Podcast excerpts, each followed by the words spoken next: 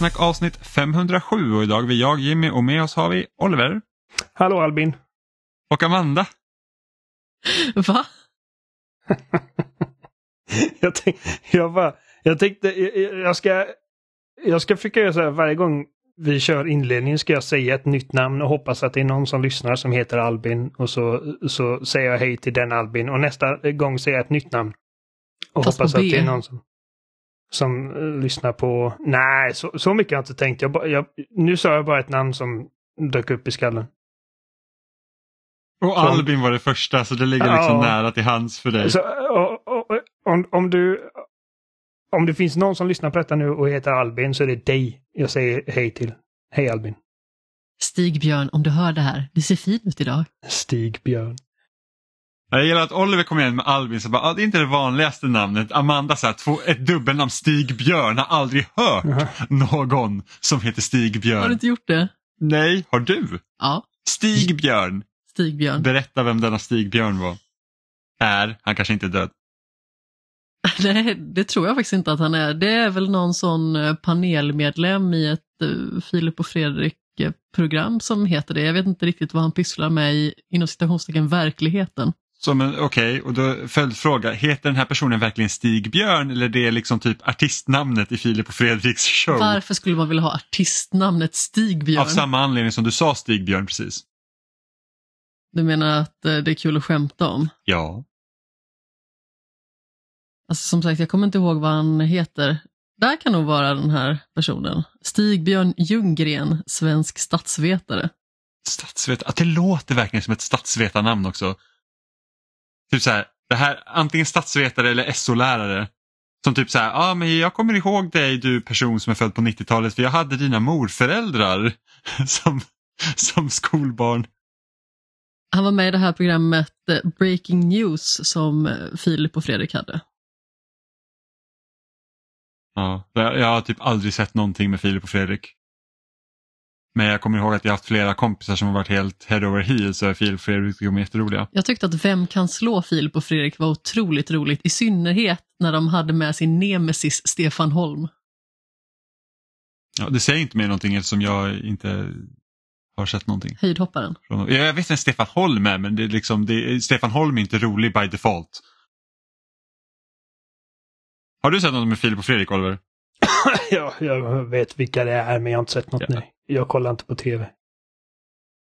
Nej, men man kan ju fortfarande se, alltså tv idag är ju inte som tv var förut. Det var inte Breaking News som jag eh, åsyftade med det här programmet med panelmedlem för övrigt, det var ju Boston Tea Party.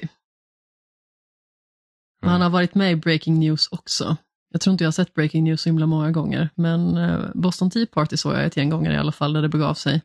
Men jag kollar väldigt sällan på ång-tv numera, det är ju bara På spåret som gäller. Men det tittar vi inte ens på ång-tv, vi tittar ju på en app. Ja, ja. och följer inte ens, vi är inte som att vi sitter bänkade klockan åtta. Eller okej, du sitter bänkad klockan åtta helst. Men vi andra personer sitter inte bänkade klockan åtta för att det kommer På spåret. Utan vi ser På spåret när det är dags. Liksom. Ja, klockan åtta. När det är dags. Ja, ja. Du tittar inte på På spåret Oliver? Va? Du tittar inte på På spåret eller? Nej, för jag är inte 60 år.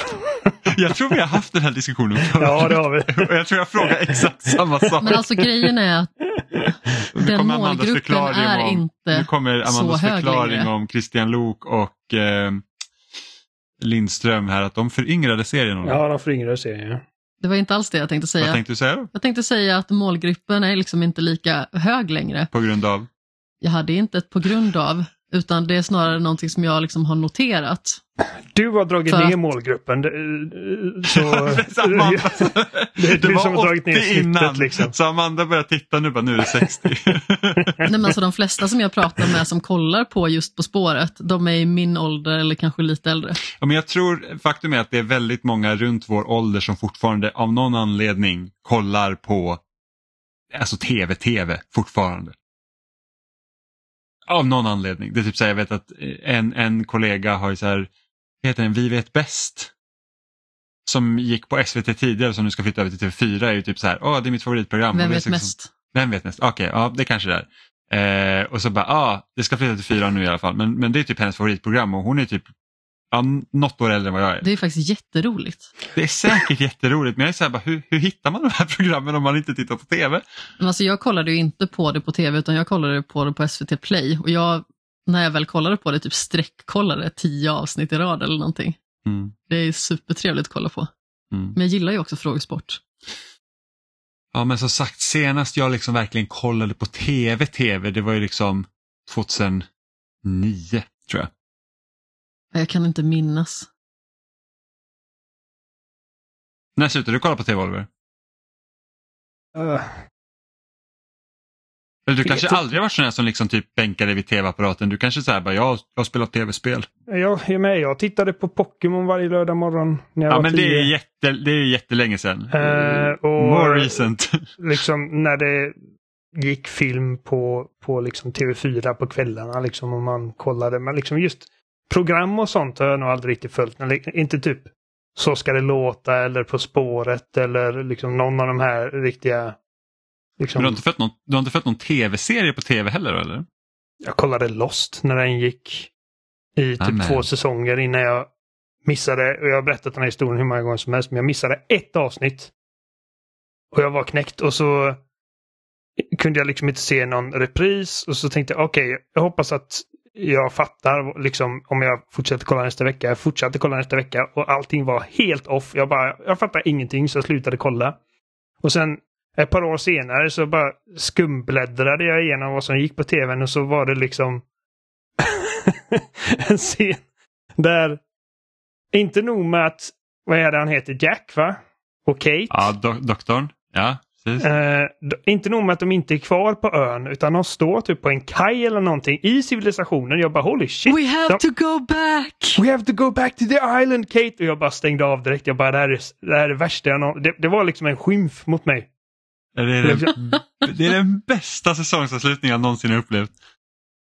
Det var mindblowing alltså. Ja, ifall man var typ 13. Ska vi se. Men, Det var jag säsong... kommer inte en bra jävla massa tv sen Lost gick på tv. Liksom. Ja, absolut. absolut. Jag tycker fortfarande Lost är sevärt. Är det inte Sawyer som ger Jack en sån här riktig jävla pungspark så att han gör, ger ifrån sig ett ljud som är oefterhärmligt roligt? Ja, Typ, de, åh! Ingen aning, ja, som sagt. Eh, och jag kollade första säsongen av 24, inte resten. Ehm, och sen utöver det, nej. Jag menar, jag kollade typ Sunset Beach. För att, men det är också skitlänge jag vet, men det, var liksom, det var vad som gick på tv när jag kom hem från skolan. Ja. Och liksom, jag hade typ inget annat att, att göra många eftermiddagar så jag kollade på det. Och liksom blev alltså orimligt investerad i den här. Alltså, jag kan bara tänka mig att om jag hade liksom tittat på den serien idag så hade jag typ spytt. Ja, men, alltså den serien var ju totalt sinnessjuk. Ja, men precis. Alltså, så här onda alltså, typ- tvillingar och... Ja, onda Ja. tvillingar och de där juvelerna som gjorde alla gamla. Eh, så Ja, var det det någon båt. Alltså, det, var, det var typ, The Days of Our Lives är ju typ lika illa, om inte värre. Den går väl Nej. fortfarande dessutom. ja Days of Our Lives, ja, ja precis. Det är sjukt. Eh, eh, men det är typ samma sak som Hem till gården. Det har, ju på, det har Hem hållit till på sedan gården 60 också. Ja, det har hållit på sedan 60-talet. Det var många av dem liksom som, som, som, som var med från början är säkert döda av hög ålder vid det här laget.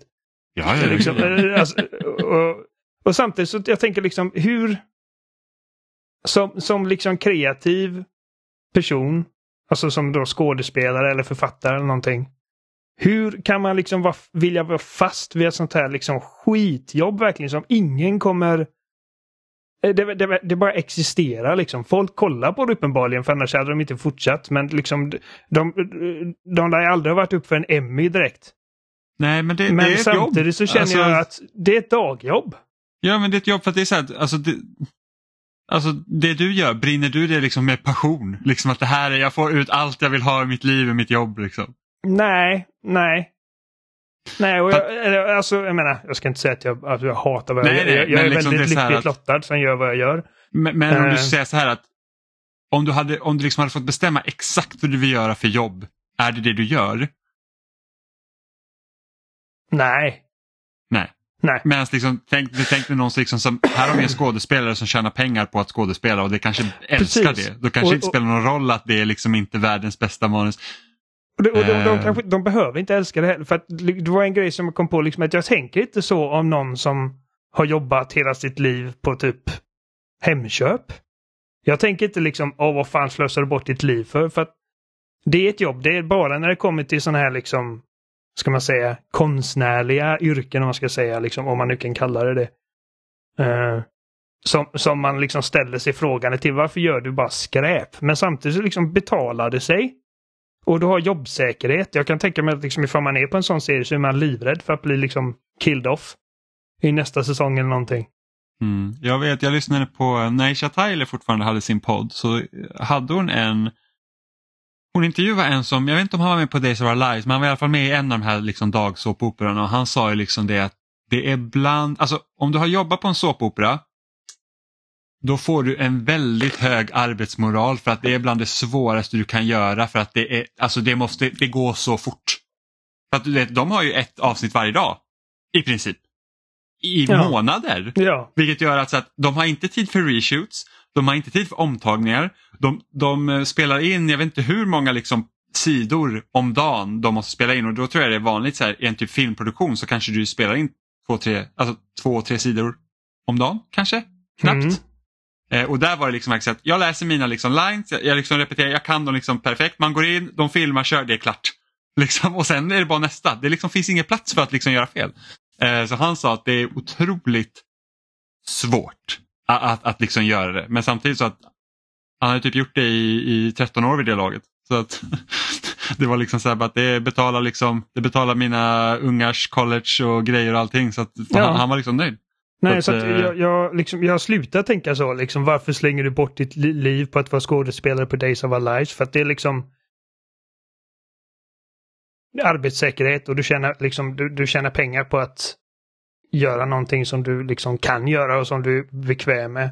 Det är samma som när man ser folk, sådana här influencers som sitter på TikTok och liksom bara mm, ice cream, nam, nam, nam, nam, nam, mm, koko, mm, nam, nam, nam, hela dagen. Jag vet inte om ni har sett det här, liksom, den här de- TikTok-trenden. De, liksom, som, med- de som äter liksom. Ja, så här anime-tjejer som äter liksom virtuella grejer som tittarna kan då typ betala för att ge henne. Eh, Alltså, de tjänar money hand over fist och folk tittar på de här bara liksom vilket jävla freak hon är och jag bara, vem är det största freaket? Hon som säljer sitt badvatten eller de som köper hennes badvatten? Ja. Nej, så att jag är, jag är, jag är mer praktiskt lagd nu med liksom att jag ser eh, jag ser liksom värdet i att okej, du har ett jobb och du gör det. Liksom, alltså att vara skådis på Days of Our Lives eller Sunset Beach eller Hem till gården är liksom inte konstigare än, än något annat yrke egentligen.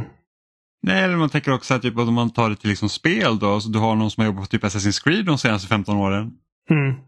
Liksom, hur, och, och kanske liksom inte sitter i, i, i den stolen där man liksom kreativt kan påverka så mycket.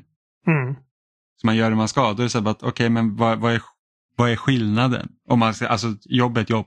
Ja, jo, men Och man precis. kan vara stolt över det även om man liksom inte vinner massa statyetter och, och får priser. Liksom. Nej, men Jag precis. kan nog tänka mig däremot att det kan vara lite svårt om man är inne i branschen av att sälja sitt eget badvatten, att komma ut i yrkeslivet och göra annat Man, sedan. behö, man behöver inte göra något sedan för man har tjänat så jävla mycket pengar på det jävla badvattnet. Det är sig Det, sant. det är ju det. det var liksom, så bara, Ja, ja, jag sålde mitt badvatten i sex månader, jag behöver aldrig jobba igen. Då hade jag Ja. också sålt mitt badvatten om jag hade kunnat vara i den positionen. Ja, Det finns ju folk som, som har liksom tjänat mycket pengar på en sån här riktigt, liksom en fluga liksom. Som sen dör och sen står de där och bara, jag vet inte vad fan jag ska göra. Ja, men det var lite det jag Eh, menar också. Precis. Ja, men- sen, här- ha, har du så pass mycket pengar så kan du, alltså visst det går att göra av sig alla pengar men alltså har du mycket pengar då går det också att investera och sen få de pengarna att växa. Ja, alltså det, det... Jag tror att... Hade jag som arbetsgivare hade kanske inte... Då, då tror jag det är folk, värre för folk som har Onlyfans-konton. Liksom, alltså det finns, det finns massa rapporterade exempel på kvinnor som, som har fått sparken från deras dagjobb för att de har ett Onlyfans-konto vid sidan av. Eh, typ lärare. Och så, Mm. och så har liksom typ rektorn någonting fått reda på att ah, du, du säljer liksom nudes och, och eh, masturbation-videos till folk vid sidan av.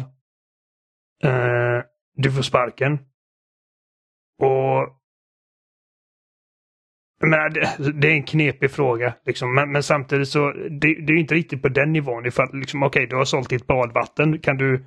Ja, det, ifall jag hade varit någon som anlitar någon eller intervjuar någon och det kommer upp liksom, ja, du har sålt ditt badvatten. Då hade jag varit mer liksom, hur fan sålde du ditt badvatten? Men, liksom, men, du måste vara ett geni. Ja, men också så här, bara, ah, du, du, så här, du, du, du blir intervjuad för en, för en säljposition inom företaget. Ja. Så bara, du sålde ditt badvatten, you're hired. Bara, ja, jag kan sälja snö till eskimåer liksom. det, ja. Eh, får man säga eskimåer längre? Jag vet inte. Eskimåer kan man säga, det är inga problem. Ja, ja, ja. Det är typ det här, som en grej. Jag såg Morning Show och det, blev, det var liksom en plot point av att någon sa Spirit Animal på tv och det får man tydligen inte säga längre. Uh, ja, precis, men det, det förklarar de ju också varför. Ja, just det, precis. Men jag hade aldrig hört det innan jag såg det på serien. Man säger kraftdjur numera. Kraftdjur, ja. Ja, ja. Vill jag minnas. Ja, ja, nej, nej, men alltså. Som sagt, alltså, jag, jag har respekt för folk som finner liksom bara weird sätt att tjäna pengar på folks idiot fetischer eller, eller vad det nu kan vara. Liksom. Alltså, ja, nej. Som sagt, vem är det större freaket? Hon som säljer sitt badvatten och, eller de som köper det och sen dricker det? Jag tror ingen någonsin har sagt sälja sitt badvatten så många gånger i en podcast. hon som sålde Nej. badvatten kanske hade en podcast där hon marknadsförde sitt badvatten ja. så tror jag nog att man eh, var, varje podd man lyssnar på så kommer så här reklaminslag så bara ah, jag vet inte, vem fan var det som, vem var det som sålde badvattnet? Vad hette hon? Jag kollar inte på mig. Jag kommer inte ihåg. Hon var inte hon jättekänd? Liksom, streamade inte hon typ spel och sånt jo, också? Jo, och sen sålde hon sitt badvatten. Och det var ju sån här, ja. alltså, jag vet inte om det var samma person, men Twitch har ju såna här liksom strikta regler mot liksom typ nakenhet och sånt. Eh, mot kvinnlig nakenhet? Jag tror du skulle säga mot badvatten. ja, ja specifikt kvinnlig ja. nakenhet, precis. Alltså en, ja, en snubbe som sitter barbröstad liksom, det är inga problem. Ja, men, men om, om, en tjej visar lite urringning då är det, ja, då är det banhammer. Alltså. Ja, så, så det var ju liksom någon Twitch-streamer som hela hennes grej var liksom att hon, hon satt i sin bikini liksom och, och fick uppmärksamhet av liksom törstiga gubbar. Uh, men så var det liksom den här regeln, ja nej, nakenheten måste vara liksom typ i rätt kontext eller det får liksom inte vara... Så hon bara okej, okay, jag sätter mig i... Jag streamar framför en liksom eh, framför en badbalja istället. Och då är det liksom rimligt att jag är mm. lite naken. Och då det var liksom ett loophole. Så hon mm. kan inte sitta liksom med bikini framför datorn i sin stol. Men så länge hon, om hon badar och streamar då är det helt okej. Okay. Så att... Eh, ja. Mm. Ja, det finns mycket så dubbelstandarder. Alltså typ det, ja, men det är väl både i Storbritannien och USA tror jag när de har liksom sina klädkoder och sen så är det jättemycket liksom tjafs om hur, hur långt ner kjolen ska vara. Liksom. Mm. Det finns ju även i Sverige. Eh, om jag tänker på i skolan. Ja, du tänkte i skolan ja. ja men det finns ju även på jobb här. Jo, men det, alltså, jag vet, det finns ju klädkoder också alltså på, på arbete. Eh, såklart. Eh, men jag tänkte just så här, skoluniformen och det är så här att ah, men nu, nu, nu har du din kjol en halv centimeter för långt ovanför knät. Så det är liksom moralpanik och skandal. Ve och fasa om man ser lite lår. Ja, ah, gud ja. Men då är det någon gammal gubbe där som typ levde på 60-talet som kände liksom att ah, ben är det hetaste. Så det, det kan vi liksom inte visa för mycket av. Men vi ska inte prata om klädkoder eller något liknande utan vi har ju spelat eh, spel i vanlig ordning i veckan och jag vet ju att både du Amanda Va? och du Oliver har spelat Dredge. Ja, jag mycket mindre så att jag låter Amanda ta rodet här. Bokstavligen. rodet. Oh, oj, oj, oj, oj. Gud vilka, ska vi dra fiskpans hela tiden nu? Och uh, hålla in Ja, men det här kommer ju vara det lilla fiskeavsnittet. För att jag spelade i Dredge eh, i våras när det var nytt. Mm. Och gillade det väldigt mycket. Med andra ord är jag och Oliver så ute. Ja, precis. Jag känner att det tog lång tid innan ni nappade liksom. Åh nej, nu börjar det. Eller rättare sagt, nu fortsätter det. Eh, nej, men Dredge är ju ett litet mysigt spel som går ut på att man i mångt och mycket förliser, man spolas upp i en hamn och eh, blir erbjuden att få en fiskebåt som man kan fara runt i. Och i utbyte mot att man eh, samlar in fisk och säljer den i en liten fiskebutik så får man helt enkelt så att säga betala av lånet på båten och sedan behålla den. Och sedan så påbörjar man ett litet äventyr i den här besynnerliga lilla världen. Och man kan ju tycka att det låter ju väldigt simpelt och mysigt och trevligt att åka runt och fiska. Men det finns en eh, form av eh, tidsaspekter tidsaspekt i det hela. Så när det börjar skymma, då börjar mystiska saker hända. Vilket också innebär att man håller på att tappa förståndet ju längre uppe på natten man är och om man inte går och lägger sig på ett dygn, då sitter det här fortfarande i. Så genom att få sin skönhetssömn och att hålla sig borta från de mörka vattnen så tidigt som möjligt så riskerar man liksom inte att man stöter på några ondskefulla fiskar eller för den delen börjar se jätteskumma syner. Ja, det är egentligen hallucinationer. Liksom. Ja, exakt. Så man åker ju runt det här första lilla stället, en eh, liten hamn och sen på motsatt sida så finns det den mindre motsvarigheten. Eh, jag kommer inte ihåg exakt vad de hette just nu. Biett och by 2. Hur som haver. Eh, man börjar åka omkring där så att man samlar in sin fisk. Man kan börja uppgradera sin båt. Och ju mer man uppgraderar båten, desto lättare blir det också att ta sig längre ifrån hamnen. På grund av att man kan få bättre belysning till exempel, man kan få starkare motorer så man kan åka fortare och liknande. Och sedan så får man liksom ett uppdrag som då innebär att man behöver åka runt på olika ställen. Och det finns x antal platser som man då ska besöka för att finna någon form av mystisk artefakt på respektive ställe. Så det betyder att man bekantar sig med några olika platser. Och på varje ställe så finns det också en eh, kringåkande försäljare. Innebärandes att man då kan uppgradera sin båt på det stället, man kan sälja sin fisk och man kan sälja de prylar som man fångar upp. Och jag tycker ju att det här är ett otroligt spel. Det är fantastiskt mysigt, det är lätt att ta till sig, det är lätt att bli indragen. Och det är väldigt lätt att liksom verkligen fastna i den här cykeln och bara köra en dag till och en dag till utan att egentligen fokusera på att fullfölja målet, utan bara för att uppgradera sin båt mer, att fiska mer. Jag tycker det är väldigt lätt att bara fastna i det. Som alla vet så är jag ju väldigt fäst vid att fiska i spel i allmänhet och när det liksom är ett renodlat fiskespel, då går ju alla cylindrar igång verkligen. Så jag tycker ju att det här är ett otroligt mysigt spel.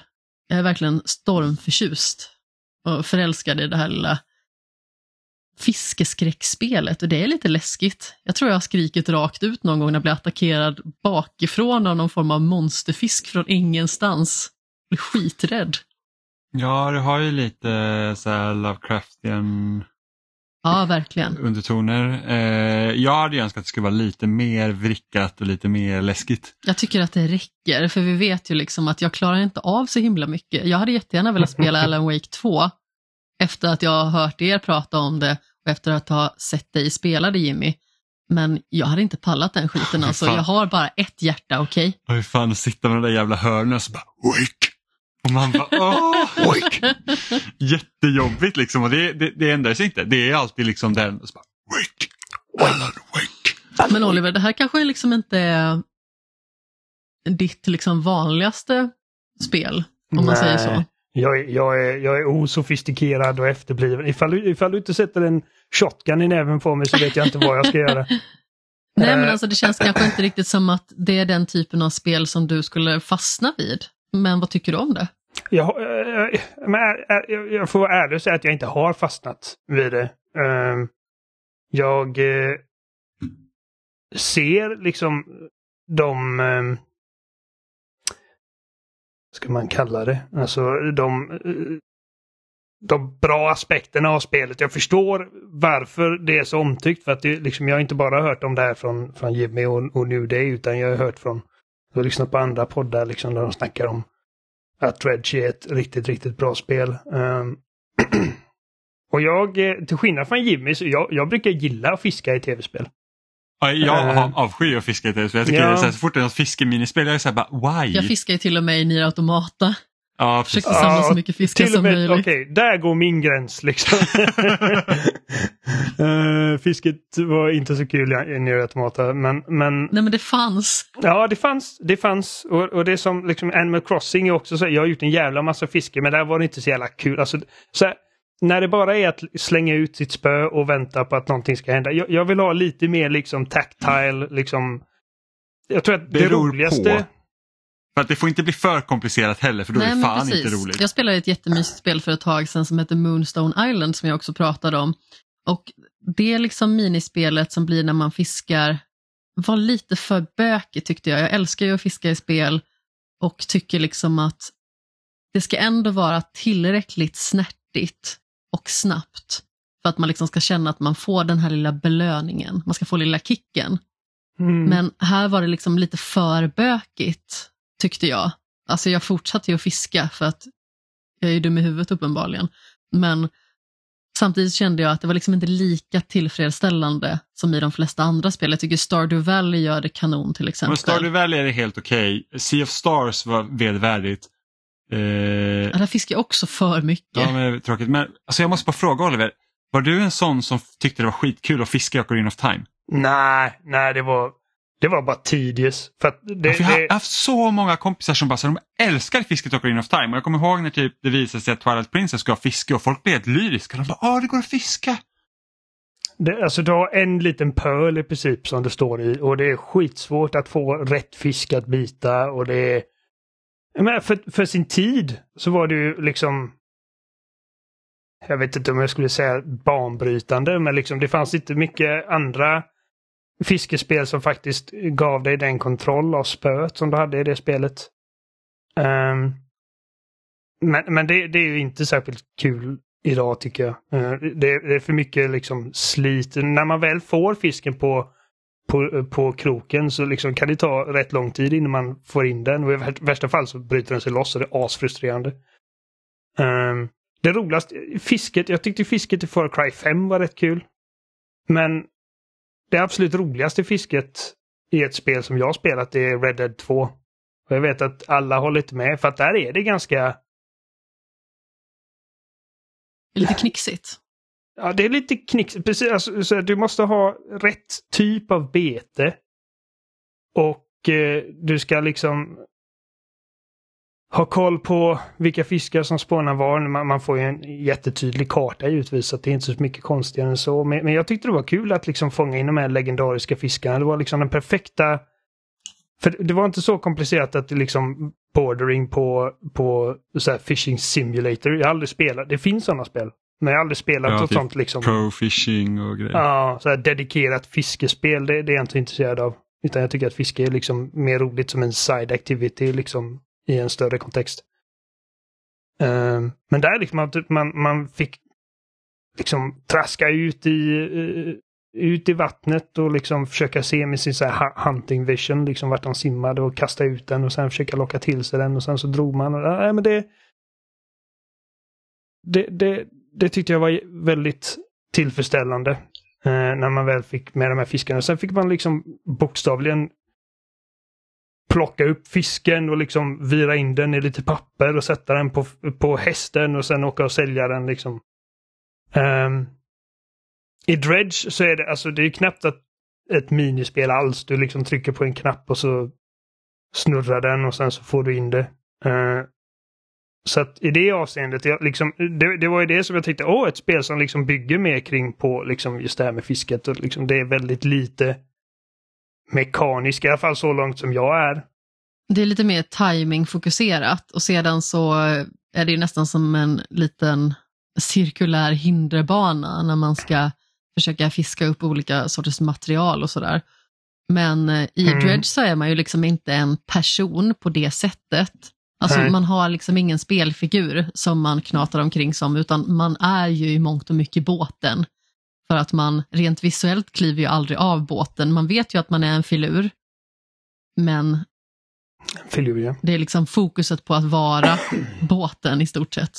Man åker runt och man fiskar. Alltså det är ju spelaren som är fiske, Tar man sig i hamn. fiskaren liksom. Ehm, Ja, men exakt. Och när du inte är på båten och interagerar med folk så är det liksom i någon sorts första person.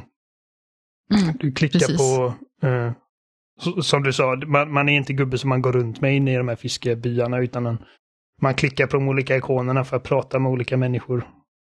Precis, det är dialoger och dialogval liksom som är fokuset när man väl är där.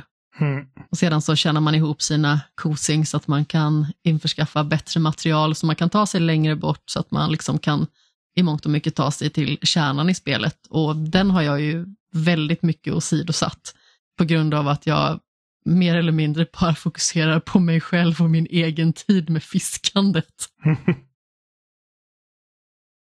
ja. Nej, men, Jag vill spela typ så här 80 dagar eller någonting i spelet. Ja, ja, i speltid ja. Jag bara, för fan. Jag är inte i det, det, verklig det, tid. det är Emmas Forever-spel nu. Eller Amandas Forever-spel nu. Mm. Här blir man bortglömd. Ja, det är inte lätt. Nej, men det är bra Alla spel. dina fruar. ja, precis. Eh, det är ett bra spel. Det, det är kanske inte... Eller kanske, det är definitivt liksom inte ett spel skräddarsytt för, för mig, så att säga. Eh, Nej, det är mer för mig i så fall. ja, men jag, eh, liksom, jag, när jag spelade så har jag liksom tänkt på... Det låter konstigt, men jag har ju tänkt på det. Jag känner mig hedrad.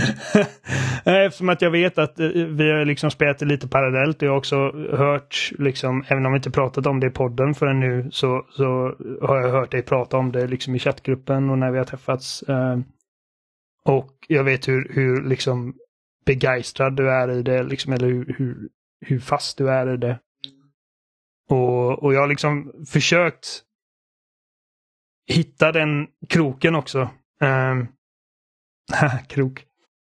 Ehm, men inte riktigt lyckats. Uh, jag tycker att liksom dagarna går för snabbt och, och, och som sagt jag hade önskat att fisket var lite mer att det hade lite mer mekaniskt djup annat än att liksom du, du åker fast fram till för du ser skuggorna av fiskarna och så trycker du på en knapp och sen så behöver du inte göra så mycket. Du, du, du kan liksom tajma dina knapptryck för att få upp dem snabbare.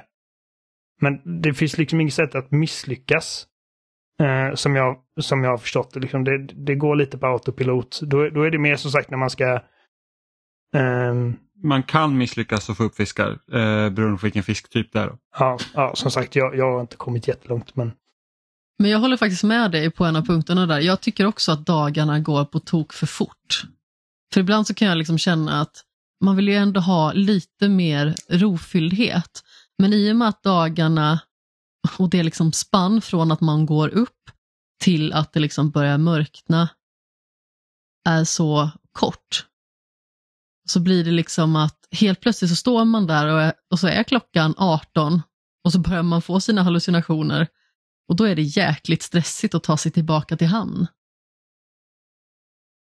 mm, Så det kan jag känna att det blir lite för mycket stressmoment ibland.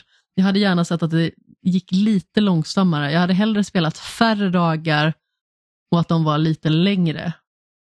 Att man kunde få ta sig lite mer sin tid.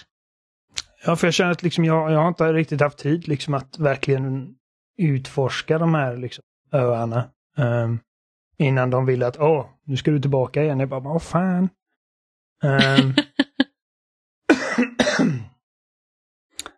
och så tycker jag liksom, eh, jag, och som sagt, du har spelat så här 80 in-game-dagar och jag känner att liksom, eh, jag, jag vill inte ha ett långt spel i detta. Liksom. Jag, jag, hade, jag hade eh, mycket hellre sett att det var någonting som var kortare och som inte var... Alltså när jag kollar på liksom materialen som krävs för att få de bra grejerna, jag bara, jag, jag kommer aldrig orka detta. Liksom. Med tanke på den frekvens som jag får de här materialen liksom. Uh, det känns väldigt grindy. Alltså det tar inte så lång tid när man väl börjar komma liksom fram och börjar förstå hur man ska liksom hitta olika sakerna. Uh, jag minns nu inte hur lång tid det tog för mig att spela, men jag tror jag tog alla achievements. Och jag tror inte det spelade mer än 20 timmar. Liksom. Och då liksom gick jag in för att liksom hitta alla fiskar och allt det där. Mm. Se om jag kan hitta något nummer.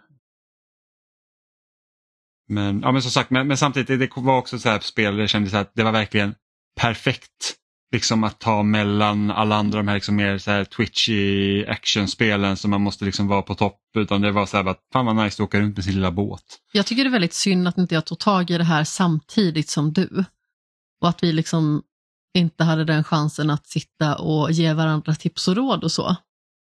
Men problemet var ju att jag hade precis börjat med The Last Spell i samma veva som du började spela det här.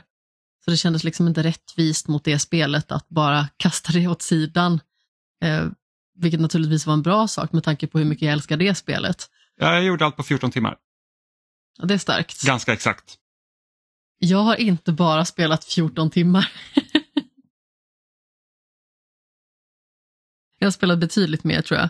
Men eh, å andra sidan så har jag lite annat tempo än vad du har. Du är ju mycket snabbare och mycket mer effektiv när det gäller videospel än vad jag är. Och det är bara för att jag måste jag kan fladdra allt. runt en Eller, hel del. Det var för att jag vill hinna spela fler saker. Jag hinner inte spela allt som jag vill spela, vilket är en stor sorg i mitt liv.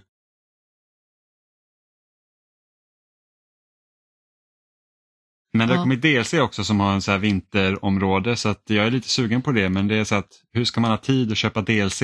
Jag har inte ens spelat expansionen till varken Resident Evil 4 eller Cyberpunk. Och man Jag klubbar sälar båda. istället. Jag vet inte. Båda de två är bra för övrigt. Ja, har du spelat lite Resident Ja, Evil 4? ja, jag är klar med det nu och det, Mm. det var trevligt. Mm. Det roligaste var ju att du hade ju tänkt att sätta dig en vanlig måndag och spela Cyberpunk-expansionen, bara det att det var typ en uppdatering på tre och en halv timme. Ja, precis. Det var ju det värsta. För att det var, nu ska vi se, det var sam, eh, samma vecka som Adam var med. Eh, eller ja, han skulle vara med och gästa podcasten. Vi skulle prata om Phantom Liberty och jag tänkte då ska jag försöka hinna spela det. Men om jag hade något, undrar om det var typ samtidigt som Lies of P hade kommit ut också. Eller kom det tidigare? Det var någonting där i alla fall som jag också behövde spela. Som var liksom så här att okej jag blir klar med det här så kan jag börja på Phantom Liberty men då hade jag kanske två kvällar jag kunde spela det. Och sen så var den här stora uppdateringen så det sket sig liksom. Sen startade jag ju Cyberpunk och jag fick se ett av sluten innan jag liksom kunde. Så att jag är precis i det läget att jag kan gå till, eller jag har fått uppdraget som ska då leda mig till expansionen. Eh, men jag har inte gjort något med det. Och det var ju hela det här med att lära sig om, typ så här, okej jag måste späcka om min karaktär och jag fattar ingenting längre och det är lite jobbigt. Mm. Men du har ju spelat annat fiskespel också Amanda, du har ju spelat uh, Dave the Diver. Ja, precis. Jag kommer nog prata lite mer om det nästa vecka, men jag kan ju berätta att jag har börjat spela Dave the Diver, som eh, du också har tagit dig an, fast på Steam där Kimmy. Ja, jag har spelat på Steam. Jag hade spelat mer av Dave the Diver om det inte vore så att Steam Deck-dockan fungerar dåligt med Samsung-TVn vilket gör att helt random så försvinner allt ljud. Ja, Vilket gör att man måste hålla på och knixa och trixa för att det ska komma igång igen vilket är så irriterande. Annars har jag spelat mycket, mycket mer eh, Steam Deck. det är ju För lite störigt. för att det går ju bara, alltså jag kan ju koppla in min Xbox-kontroll med USB bara i dockan och så kan jag spela med den. Hur enkelt som helst. Fungerar asbra men eh, ja, det är störigt som fan. Så fort Dave the Diver kom till Switch i alla fall så införskaffade jag ju det. Och eh, har inte hunnit spela det så riktigt mycket som jag har velat på grund av att det liksom har kommit många andra spel. Naturligtvis, som jag har velat spela och som jag har behövt prioritera också i och med att det har varit recensionsuppdrag. Men nu bestämde jag och Isabelle att vi skulle skriva en gemensam recension på David the Diver till loading. Så då kände jag att nu behöver man liksom få upp farten lite grann. Vilket då innebär att eh, fiskandet har eh, gått igång på riktigt. Och man spelar ju som naturligtvis Dave, som eh, är en dykare som också fiskar. Liksom. Eh, så han dyker ner under ytan, använder sin harpun, i alla fall inledningsvis, till att eh, fånga diverse olika fiskar som sedan ska serveras på en sushi-restaurang. där han också agerar kypare. Så beställningar tas emot, sedan så finns det en kock som står och förbereder de olika rätterna. Och sen så går man runt och helt enkelt då serverar gästerna som kommer på besök och ser till att de liksom får sin mat inom rimlig tid och att eh, man häller upp eh, grönt te på ett eh, så perfektionistiskt vis som möjligt. Och även det här är ett sånt där väldigt lättsamt spel som är otroligt simpelt att ta till sig. Man kommer väldigt lätt in i det. Det bara rullar på och det är så förbenat mysigt. Och just den här kombinationen med att man har det här lite mer lugna egentligen i att dyka ner under ytan med sin harpun och försöka ta, ta tag i så många fiskar som man liksom kan mäkta med egentligen. Eh, och sedan så tar man båten tillbaka till lite mer hektiska kvällsjobbet i att kuta fram och tillbaka och servera olika sushisorter. Jag vet inte, det blir en väldigt bra balans där och det blir hela tiden att man bara vill göra lite till och lite till och lite till. till. Lite precis som i Dredge egentligen, att det är svårt att lägga ifrån sig spelet. För att man känner att man vill bara göra sin dag till. Eller man behöver bara göra den här grejen också. Eller vad säger du Jimmy? Ja, ja men jag håller med. Eh, och jag tror att till skillnad från Dredge så tror jag att det här är ett spel som hade fungerat bättre för Oliver också. Just för att det är som ett litet 2D actionäventyr egentligen. Där du, det är inte så avancerat att fiska men det är heller liksom inte huvudsyftet är inte bara att fiska utan du liksom sköter den här sushi-restaurangen och så finns det en berättelse bakom spelet också så att du har ju liksom Det är inte, så här, det är inte som ett typ ett roguelike där så bara, men du sköter restaurangen och går det dåligt så får du börja om från början utan det är verkligen så att du sköter restaurangen för att kunna tjäna pengar för att kunna liksom uppgradera din karaktär så du kan komma längre fram i storyn också. Ja men precis. Eh, så det, ja, inledningsvis så är man ju den här lilla gulliga runda gubben som blir inringd av en bekant liksom. Flyger dit ilfart bara för att vara med på tåget när eh, den här fiskehistorien liksom ska dra igång bara för att han är en erfaren dykare. Och det känns ju också som liksom en rolig annorlunda variant av fiskande i spel. Däremot kan jag tycka att det är lite knivigt eh, att få till själva harpunskotten till exempel.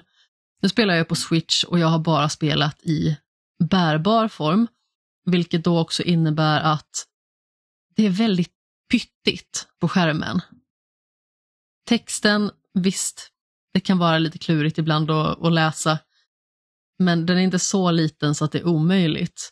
Men fiskarna är ju otroligt små.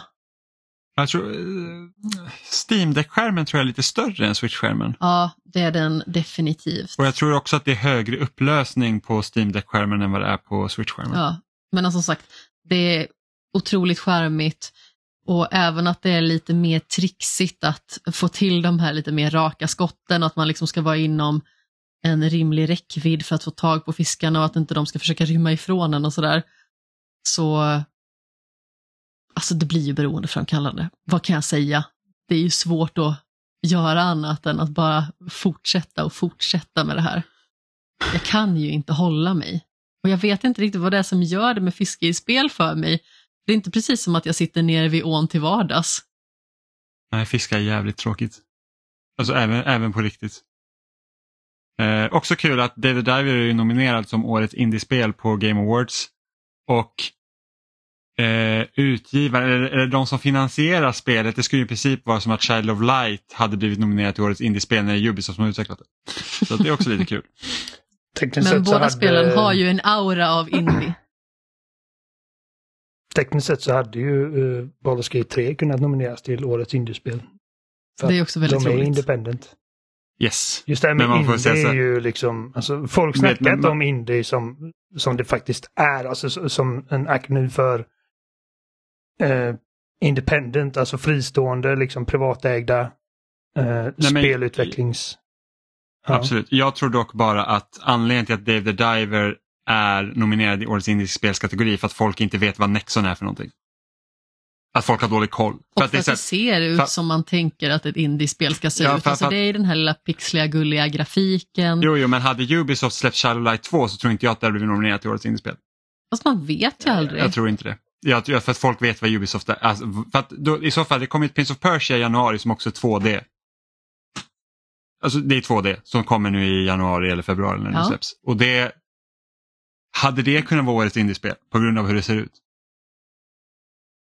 Nej, fast jag tycker inte Varför det. inte? Jag vet inte. För att det är liksom hade det varit handritad grafik, hade det då varit indie? Liksom det, det är på den nivån. Så jag tror att folk har inget Folk har koll på the Diver och kanske inte nödvändigtvis har koll på vilka som finansierar spelet. Medan om Ubisoft kommer ut med något så har man bättre koll på det för att det är inte ett sydkoreanskt företag utan det är Ubisoft. Så Ja, men det är precis som vi pratade om förra veckan, att indie har lite mer blivit att det representerar en känsla snarare än liksom en ekonomisk grund.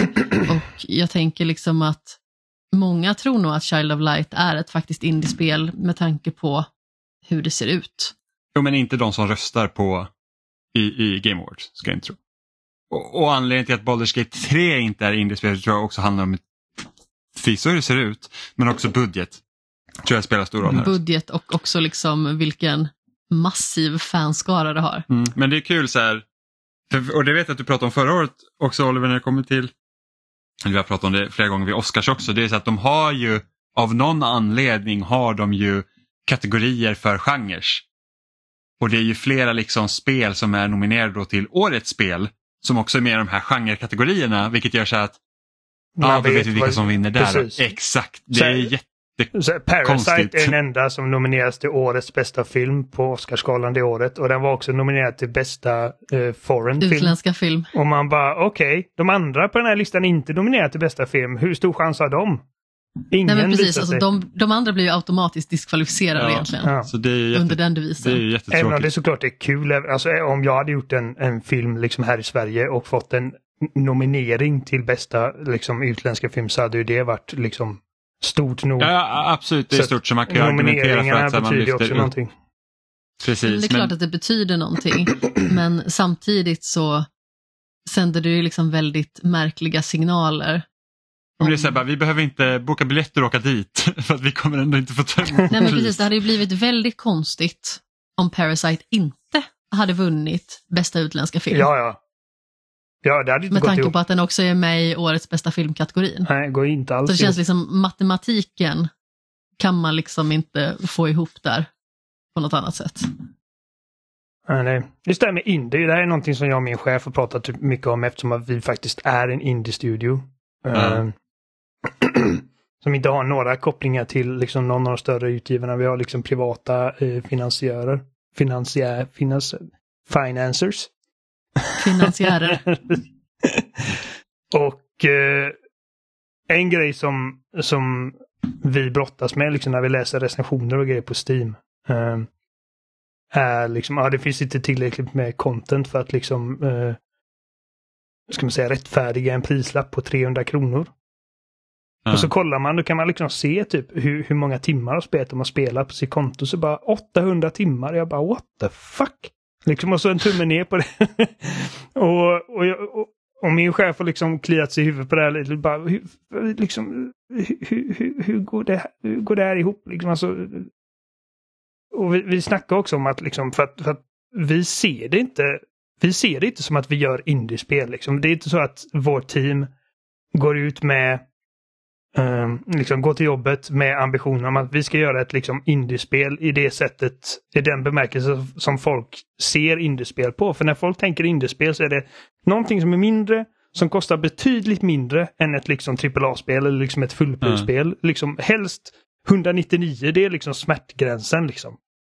Och eh, någonting som liksom, också ifall det är ett spel som är i två, det, det stärker det också. Liksom. Det ser man liksom även kommentarerna när Super Mario Wonder visades upp. Liksom att folk bara, nej jag, tror, jag vill inte köpa ett 2D-spel för fullpris. För att det är inte lika mycket Nej. värt som ett 3D-spel.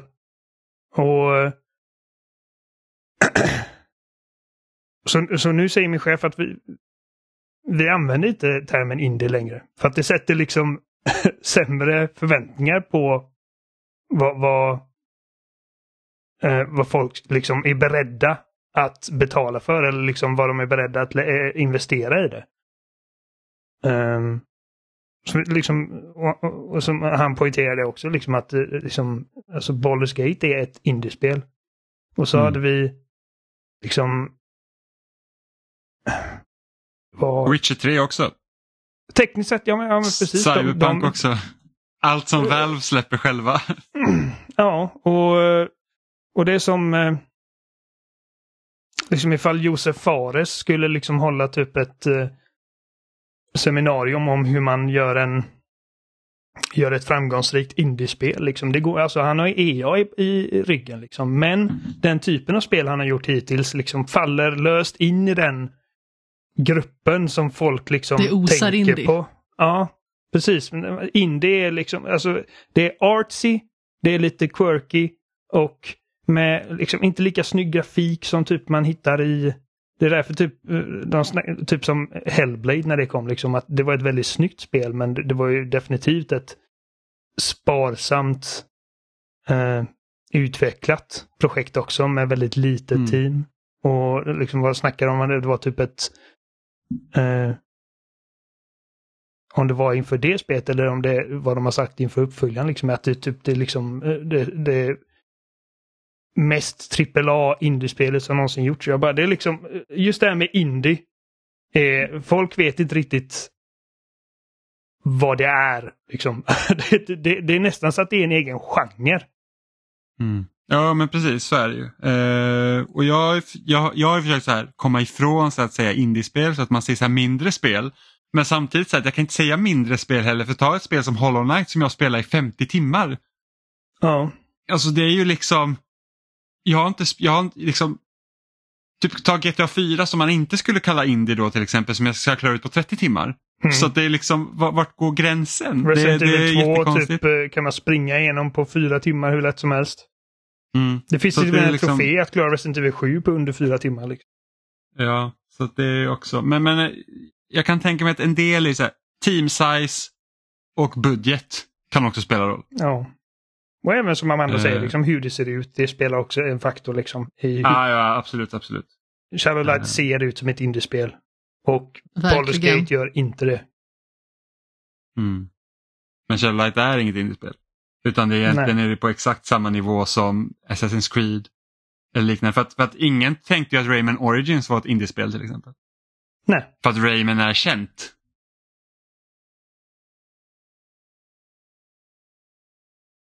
Ja, så det är spännande. Men vi har ju också spelat, eller det här är ett spel som har hängt med nu ett par veckor som vi inte har pratat om än, men vi har ju spelat WarioWare Move It. Som är den senaste eh, delen i, i Warrior-serien egentligen och andra spelet i Warrior-serien till Switch. Eh, och det har du och jag spelat Amanda och jag recenserade också spelet så du kan läsa min recension på loading. Eh, och det här är ju till skillnad från det förra spelet som jag nu inte kommer ihåg vad det heter av någon anledning, eh, Warrior någonting någonting. Eh, är det här mer som en uppföljare till Wii-spelet Smooth Moves. Där man liksom då använde rörelsekänsliga kontroller, alltså Wiimoten med andra ord och gjorde roliga poser för att haha kul. Eh, och varit mer liksom så här väldigt inriktat på att vara ett partyspel. Eh, och det är det här spelet också. Men nu använder man inte Wiimote utan man använder joyconsen istället så att rörelsekänsliga joyconsen då som, som för att också göra då roliga moves så att säga eh, som kallas forms i det här spelet. Där man ja, men där man liksom ska egentligen du precis som i Wii-spelet, du behöver ju liksom inte anta den ställningen som spelet säger åt dig att göra. Men ju mer man överdriver och liksom verkligen spelar med i spelet, ju roligare är det. Eh, och för de som inte vet vad Warriorware är så det är liksom en, en det är inte en minispelsamling, det är en mikrospelssamling där du har i princip några sekunder på dig att utföra det du ser på skärmen i princip. Och sen så får man spela massa sådana i rad tills man har förlorat alla sina liv. Eh, och i olika spellistor då, som, som liksom är olika te tematik och olika poser som man ska göra. Eh, vilket är liksom, alltså det är ett koncept som låter helt galet men det är också väldigt, väldigt roligt. Eh, för att ju, ju längre man kommer ju snabbare går det.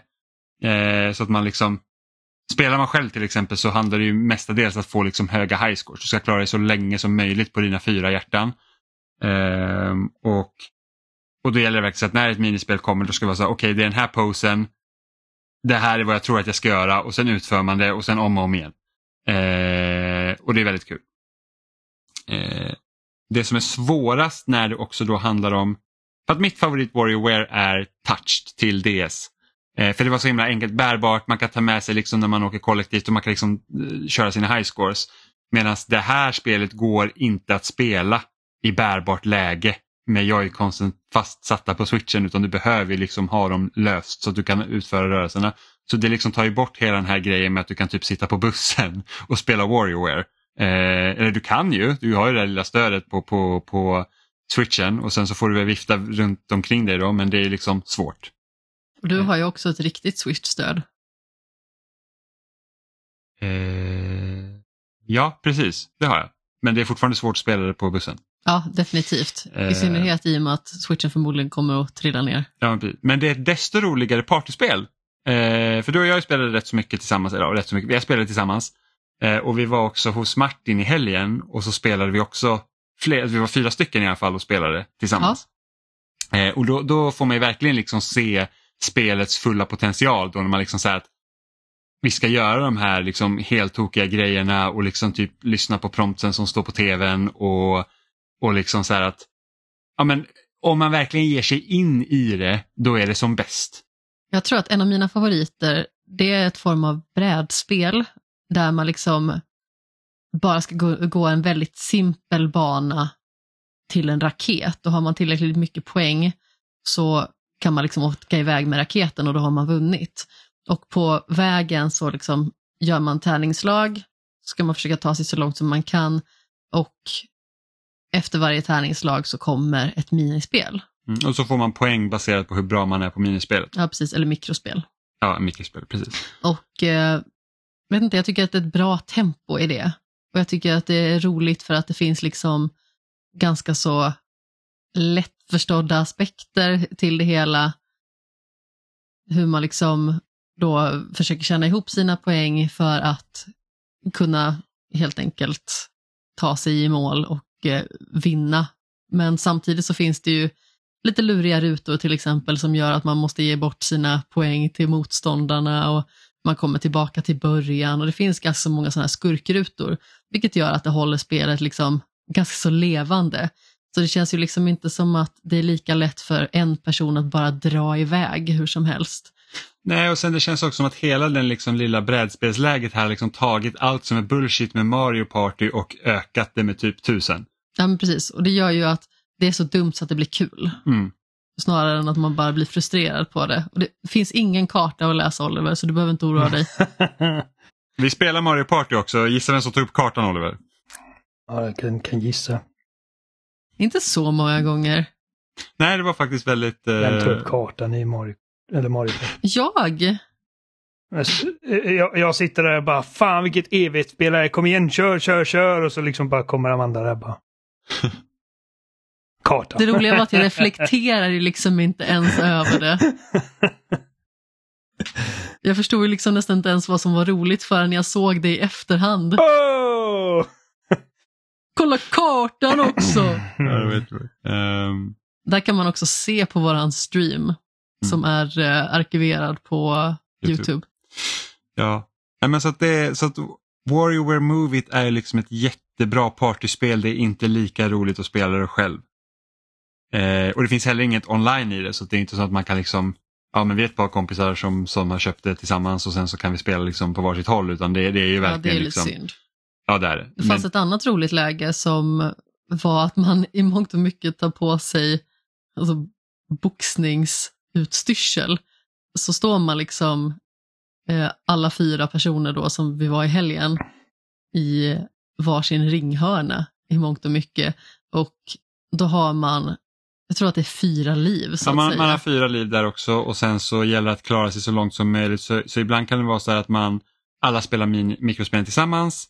Man kan köra själv, eh, det kan man vara kan, två. Man, ja, man kan få spela själv, man kan vara två stycken och vissa Vissa av de här mikrospelen har ju också element av att där man samarbetar så att där typ ja, men hade man spelat själv så hade man fått göra båda momenten själv. Men när man spelar flera så är det så att då spelar ett ett moment och spelar två ett annat moment.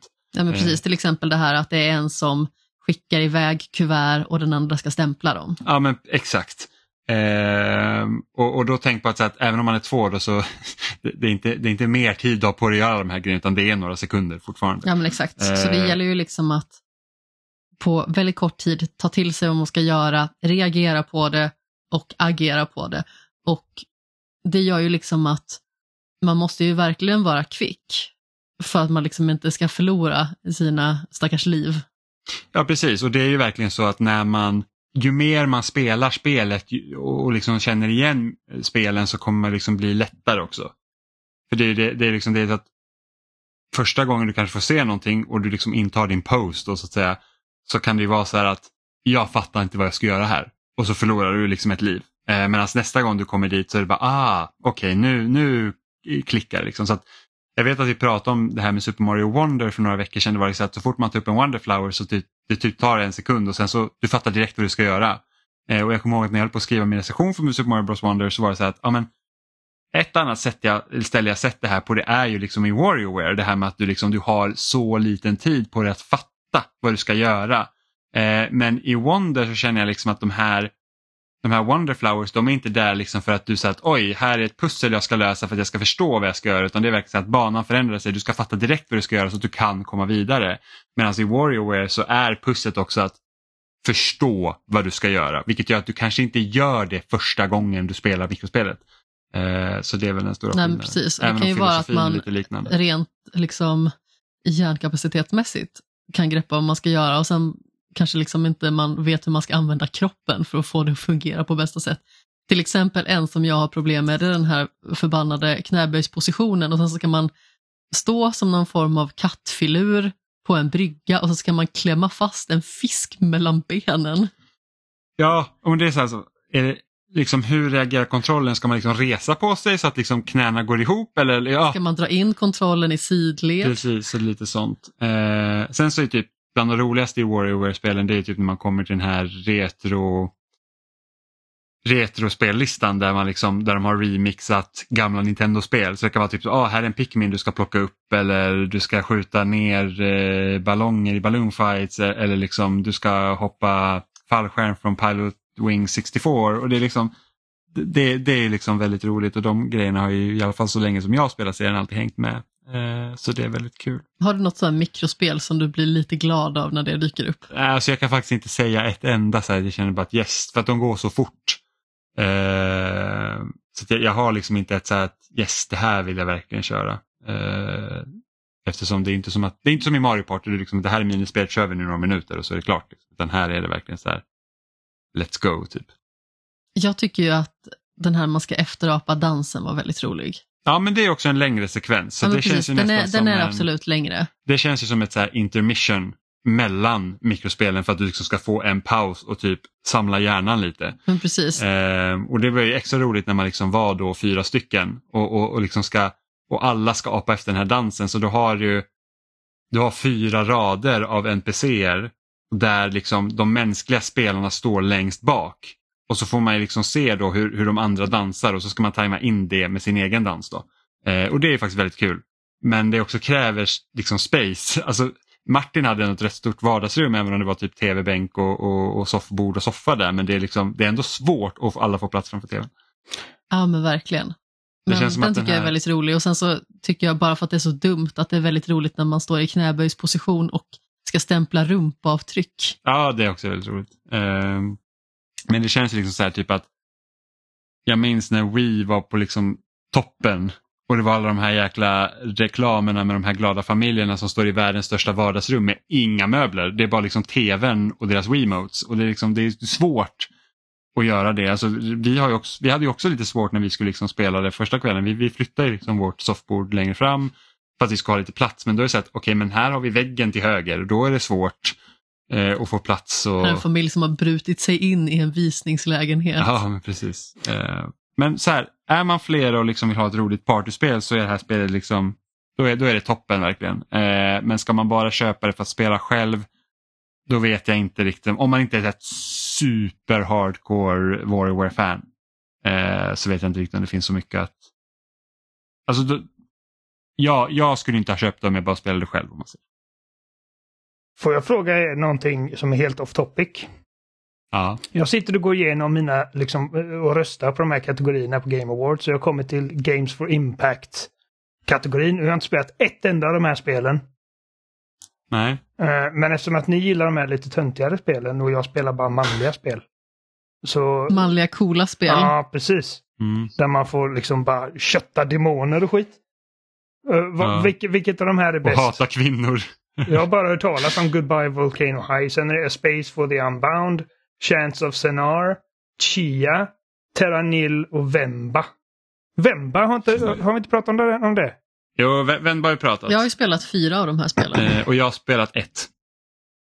Nu ska vi se, det är Chance of Sonar och eh, Chia har jag inte spelat. Chance of Sonar vill jag väldigt gärna spela just på grund av att det fokuserar mycket på att man ska genom att utforska spelet lära sig spelets språk så att säga och kunna lösa pussel på det sättet. Så det ligger faktiskt i min eh, köpkorg på Ja. Playstation men jag kommer kanske inte ens hinna spela det i år. Men för att svara på din fråga Oliver. Alltså, Så skulle jag lägga min röst på A Space for the Unbound. var det inte Vemba som var där liksom en familj som flyttar? Ja, ja precis. Ja, men precis. Det, det var jättebra. A Space for the Unbound eller Vemba skulle jag nog säga för att Vemba gör så otroligt mycket viktiga saker och intressanta saker på en väldigt kort tid. Ja, Det är väldigt lätt att ta till sig, väldigt lätt att förstå och det är väldigt lätt att älska.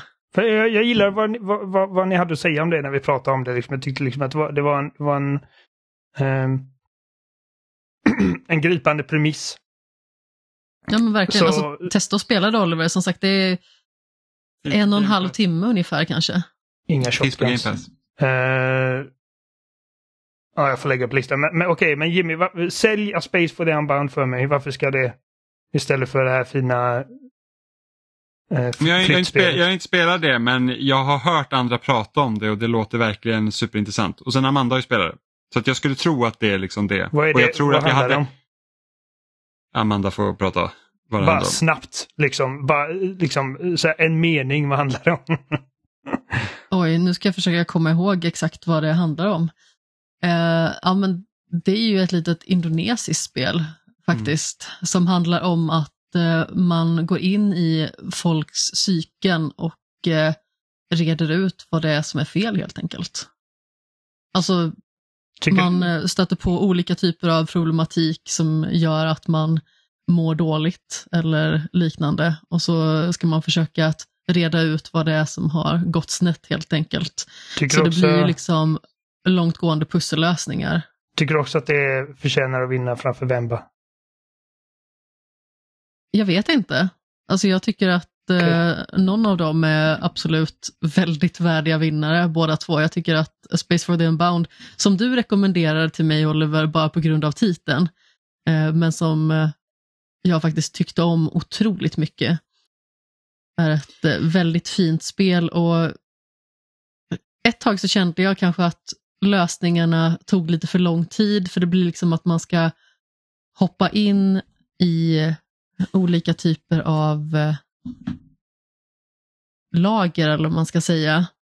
Vilket gör att man flänger en hel del fram och tillbaka, men när man når slutet och mer förstår vad det är som har skett, då känner man liksom att det lämnar ett väldigt starkt avtryck. Men som sagt, jag tyckte om Goodbye Volcano High också. Det levde kanske inte riktigt upp till de här jättehöga förväntningarna som jag hade på det. Även att det hade väldigt mycket intressant att bidra med. Och sen vilket mer spel var det som jag hade spelat där på listan? Terranil. Terranil, ja. Ja, nej, det tror jag inte att jag känner skulle vinna. Det är ett väldigt mysigt spel. En eh, omvänd stadsbyggarsimulator egentligen, där man liksom fokuserar på att återställa naturen. Och Det är liksom ett väldigt terapeutiskt och mysigt spel, om man så vill. Finns på mobil om man eh, har Netflix. Ja, alltså, det största problemet egentligen med den här kategorin det är ju det att det här känns liksom som en kategori där man slänger in spel som man inte riktigt så här Oj, vi har hört talas om det här spelet. Eh, och det är ett mindre spel och vi vet inte vart vi ska lägga det typ. Ja, Eh, och sen så känner jag väl också så här typ att om man, om man bara tittar liksom på den förklarande texten till liksom kategorin då, for a thought provoking game with a pro social meaning or message. Och då är det så här bara, men alltså, alltså man, man ser lite så hur man värderar också viktigheten av spel. Att du har liksom här spel som har liksom, okej det här spelet har någonting att säga. Men det är liksom, men det är bara det som spelet går men, ut på. Men inte bara det det går ut på, liksom, på så att man värderar inte det lika högt som typ en fet actionsekvens i ett annat spel. Till Nej, men exempel. Jag tror att det var Eh. en programvärd i en annan spelpodcast som kallade det hippie-kategorin. Ja, men precis. Men, alltså, men så här. Det är liksom, största problemet är att de som röstar i de här kategorierna spelar, har för lite bredd i sitt spelande. Det är väl där egentligen det mynnar ut. Och, att, att liksom, och jag hörde i en annan podcast idag som sa att, liksom att, så att nomineringarna till, till de här alltså spelen i hela Game Awards kan baseras typ på marknadsbudget. Det är liksom hur mycket reklam du kan göra för ditt spel vilket gör att du kan hamna här för att det är tillräckligt många som har spelare. Vilket också är lite tråkigt men det, det ska vi inte prata om igen, vi, vi pratade om det förra veckan. Best Men, adaptation, hur kommer inte The Last of Us vinna den? Jämfört typ bredvid Gran Turismo, Mario-filmen, Twisted Metal. Och i och för sig, jag vet att Ja, folk alltså gillar det- Castlevania men... Men ja, Castlevania är jättebra men Castlevania är en tillräckligt stort varumärke för att den skulle kunna vinna. Alltså även om Castlevania hade varit bäst till exempel. Eh, men det är absolut Last of Us kommer vinna Ja, men det känns ju som att The Last of Us har ju också gjort ett mycket större intryck på en bredare massa. Folk som inte ens är intresserade Det här är också av... problemet. Då är det den breda massan som spelar roll snarare än kvaliteten på produkten. Och nu säger inte jag att Last of Us är dåligt men liksom det är så att okej men fler, flera sätt den här. Jo, men jag menar att det har gjort intryck på den bredare massan på grund av att det liksom är en så stark produkt. Ja och marknadsfört jättehårt. Liksom. Ja, Alltså, ja naturligtvis. så att det... Men jag vet ju många som liksom inte ens är intresserade av tv-spelet. Som liksom tycker att det är en otrolig serie. Ja, ja absolut. Den Men berättelsen liksom- fick nytt liv i år. Verkligen. Så är det. Men till exempel om, om vi bara tar Castlevania, nu har jag, har inte sett den senaste av Castlevania, men om man tar originalserien av Castlevania tycker jag är bättre än The Last of Us. Men hade originalserien av Castlevania släppts i år så hade den ändå förmodligen inte vunnit. För att liksom, ett, det är inte Last of Us, två, det är inte HBO, tre, det är tecknat. Så att det är liksom, det är massa grejer som går emot där också såklart. Men, men alltså, och, och om, när Last of Us vinner så är det absolut välförtjänat, så det är inte det. Best content hade kunnat haft, eh, av, vi kunde ha haft typ avsnitt tre som Games for Impact. Ett otroligt avsnitt. eh, så att ja, men, men, eh, ja, men vi, vi pratade oss trötta om det förra veckan också. Eh, som sagt, jag, jag tror inte att Game Awards nomineringar någonsin kommer lösas egentligen. Eh, jag har också spelat ett annat spel som släpptes i fredags och det är ju Super Mario RPG på Switch. Som är en remake av eh, Super Mario RPG? The Legend of the Seven Stars tror jag originaltiteln är. Eh, som kom ut på Super Nintendo men släpptes aldrig i Europa. Förrän det kom på Virtual Console på Wii tror jag. Så det här är egentligen första gången man kan spela när spelet är nytt i Europa även då. Det är faktiskt jätteroligt för att jag fick typ för en kvart sedan ett meddelande från en instruktörskollega som var pepp på att spela det och skulle precis sätta sig och spela just det spelet. Ja. Eh, timing. och det här är egentligen kan man säga att det här är Marios första liksom rollspels eller han, han, baddar skorna i, i, i rollspelsvattnet. Eh, eh, så det här kan man ju säga att är föregångaren till både Paper Mario och Mario Luigi-serien. Som kom på Game Boy Advance och sen DS. Eh, och det är ändå rätt så kul. Alltså de har gjort en väldigt trovärdig version av spelet. Alltså att det är liksom på sina håll så känns det ju fortfarande liksom äldre. Kan man säga. Det, det är liksom, de, har inte gjort, de har inte gjort jättemycket för att det verkligen ska kännas liksom som att okej men det här är ett rollspel jag spelar 2023 utan det här känns verkligen som en hade någon sagt att det här var en remaster av ett äldre spel så hade jag också kunnat liksom köpa det så att säga. Typ när man spelar om en Jack and Daxter eh, HD-versionen liksom, då känner man att det är ett Playstation 2-spel. Och man känner att det här i grunden är ett Super Nintendo-spel. Eh, det är liksom striderna är inte jätteavancerade, de är väldigt lätta. Vilket gör liksom också så att utöver bossstriderna så, så känns striderna lite överflödiga till och med. Förutom att såklart man ska ju levla men det är liksom inte mycket tankekraft som krävs i dem och de har liksom varit lätta från första början. Det, det har liksom egentligen aldrig varit några problem. Det är några bossstrider som har blivit lite svårare ifall man har haft oturen typ och blivit en av karaktärerna blivit eh, avtuppare då som har åkt ut eh, och sen så den karaktären man har kvar kanske inte har en attack som är effektiv mot bossen. Då. Så då får man typ ladda om en sparfil. Eh, men utöver det så är det liksom väldigt enkelt. Och liksom det är helt textbaserat också så att du, du har liksom, gubbarna har inga röster även om de liksom har eh, cutscenes och sådana grejer utan det är liksom allt går i text och, och typ så här Mario ska förklara någonting så typ han gör, kör någon typ liten teaterscen och spelar upp så vad som har hänt och grejer och det är liksom bara så att ja ah, okej, okay. jag, jag förstår ju varför man gjorde det här liksom på, på Super Nintendo men nu så Alltså det, det, det, gör inte, alltså den tekniska begränsningen finns ju liksom egentligen inte på Switch. Och jag förstår ju att det också man måste avväga hur nära man vill göra en remake till originalet och om man vill ändra någonting. Men det är liksom... Inte det, det här är mer som typ... Jo, lite, men samtidigt är det lite så att, ja, alltså man ändå spela tillräckligt många typ 2D-RPG än tidigare så man liksom att, jo, men att du hoppar på stället och liksom exalterar, det är liksom det är cute men, men det är liksom, man kommer bara så långt. Eh, och då tycker jag liksom att de här, när han typ spelar upp då vad som har hänt så är det ju heller, det ser ju liksom inte det ser ju fortfarande ut som det skulle vara typ Super Nintendo förutom att det är 3D-grafik istället för den typen av grafik som fanns på Super Nintendo. Så att det blir också lite så här att, ah, ja, men det, det, liksom, det känns gammalt bara. Eh, och sen så typ minispelen som också kommer upp ibland så att man ska göra grejer, de är liksom inte heller helt typ omgjorda på riktigt. Utan de känns också lite så här halvdassiga. Vilket är så här att, alltså okej okay, om jag nu ska åka ner för den här floden och jag får se typ i något form av fågelperspektiv och ska typ simma med Mario så hade det inte behövt kännas som att jag simmar i sirap för att plocka några mynt. det är liksom, det där hade kunnat varit roligt istället för att vara vad det är. Det är ungefär som att man hade, när man gjorde Final Fantasy 7 Remake och när Cloud typ klättrar i ruinerna efter den eh, fallna plattan liksom. Där man typ behövde svinga sig från lianer och sånt i originalet och där tajmingen på hoppen var helt horribel. Och så hade man tagit den till remaken och bara så ja vi gör det. Exakt så ska det kännas. Vilket är hemskt. Så, eh, så hade jag liksom ändå hoppats på att liksom, kunna finslipas på några sätt eh, ändå. Uh, jag tror den största liksom, skillnaden mellan originalet och det här är att de har typ gjort om bossstriden lite så att de har liksom vissa typ gimmicks.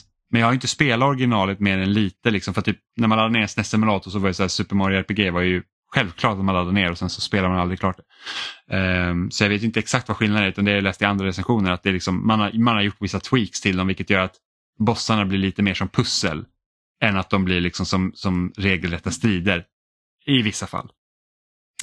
Eh, men det är också här de har liksom fått det som vi kan se både i Paper Mario, eh, i alla fall de Paper Mario jag har spelat och sen så Mario Luigi i spelen, det är det att när du väl slår eh, eller gör attacker med Mario eller de andra karaktärerna, det är det att man, man ska liksom tajma sina slag. Då, så, så, att även om det är turordningsbaserat så att om, om Mario har en hammare så ska han gå fram och slå på fienden och jag trycker på A-knappen samtidigt som han slår ner hammaren, då får jag liksom ex, då tar det extra skada. Och så kan man köra liksom kombos på det så att ju fler eh, knapptryck du liksom lyckas eh, få ihop så laddar du upp en mätare så att du kan få, liksom få bonusar i striderna. och sånt. Så att det gäller att du får ändå vara aktiv i striderna. Så att det är ju typ det som är det svåraste i striderna, det är att hålla igång kombon. Och det är heller inte nödvändigt men det gör saker lite, lite lättare. Ehm, men sen tror jag liksom andra grejer som de var ganska liksom, för jag tror det var Square Enix, eller dåvarande Square, som utvecklar Super Mario RPG. Men de har ju liksom både Peach och Bowser är ju spelbara karaktärer i spelet. Vilket jag kan tänka mig att det inte är speciellt vanligt. Alltså det här är ändå 90, det ha varit 97, 98 det kom ut eller någonting sånt. Eh, och då är det liksom inte helt vanligt att Peach får vara liksom i centrum eller ens att man får samarbeta med Bowser. Eh, så det tycker jag ändå är lite kul. Och det är liksom, storyn är vad den är, liksom Bowser först kidnappar Peach och sen visar det sig att det är någon annan onding som, som, som tar över hans slott och nu är han jättedeprimerad och ledsen. 1996. Ja, vilket datum? Japan den 9 mars och i Nordamerika den 13 maj. Ja, okej. Så det kommer ju förmodligen ut strax före liksom Super Mario 64. Ehm, men så Bowser är i alla fall jättedeprimerad att han har förlorat sitt slott. Så det är därför han liksom teamar upp med Mario. För att vi ska få tillbaka hans slott och sen Mario ska ju såklart rädda världen och det är liksom just att det här, Standard Mario. ja men precis, riktig jäkla tryhard bitch. Ehm, men men så, att, så att det som har hänt när den här liksom ondingen har tagit över Bowsers slott är att han har, han har liksom, fienden har tagit sönder The Star Road. Och när The Star Road är trasigt så kan, så kan inga drömmar slå in. Så liksom om du har en jättestor dröm som du vill liksom ska hända så är det omöjligt att det ska hända. Så, att, så att det är liksom det man jobbar för. Och så finns det liksom massa originalkaraktärer som man liksom, jag vet inte om man har sett dem i några andra spel sedan dess, men det är liksom någon, någon Pinocchio-lik docka som hjälper en och sen är det typ typ en molnfigur som tror att han är en groda. Det är liksom, det, det är liksom så här, det är lite quirky och lite gulligt sådär så att det, det är ju rätt så kul. Men det är liksom inte så att man hänger på låset och undrar vad som händer för att det är fortfarande ett Mario-spel. Eh, där storyn egentligen inte spelar så stor roll. Eh, så det, det, det är ändå kul liksom att kunna se det här spelet för vad det är. Men det är liksom med dagens mått mätt så ska jag inte säga liksom att det här är ett åh vilket fantastiskt rollspel utan det är liksom det är bra men jag skulle inte liksom säga att det är jättebra eller fantastiskt. Um, det, men, men det är kul också att se liksom att, att jag gillar ju Paper Mario och jag gillar Mario Luigi-spelen och det är liksom kul att se att det, det var här frö såddes. eh, för att sen liksom mynna ut i de där två olika serierna. Så att jag är jättepepp på när remaken av Thousand Year Door kommer eh, nästa år. Se, för att det är ju verkligen mångas liksom, favorit när det kommer till Mario-rollspel. Eh, och det är ett spel som jag aldrig ägde på GameCube, men som jag äger nu. Eh, men alltid jag vill ha spelat. Så det ska bli kul. Mm. Så vem var det som skulle förbereda quiz till idag? Oliver? Jag. Da, da, da, da, da, da. Quiz. Hurra. Ja, nu har jag förberett en, eh, en lista på fem frågor med lite blandat i nivåer här. Nu ska, nu ska ta första. Yes. Uh, nu ska vi se, okej. Eh, fråga nummer ett. Uh, Cal Kestis är huvudpersonen i Respawns Jedi-spel. Och hans ljussabel tillhörde hans eh, nu döda mästare som hette vad då? Oh my fucking god. Nu ska vi se, den här personen var väl med i första spelet va? Ja. Just det ja. Eh, en lurvig typ... eh, jag kommer inte ihåg vad de kallas, men om man har sett Rebels så är det samma ras som Seb. Ehm, och man får liksom en flashback. Ja, jag, jag vet vem det är. Och hans namn står på ljussabeln varje gång man ändrar sin ljussabel. Ehm, I uppföljaren? Ja, liksom så här, default hilten och alla delar är liksom mhm.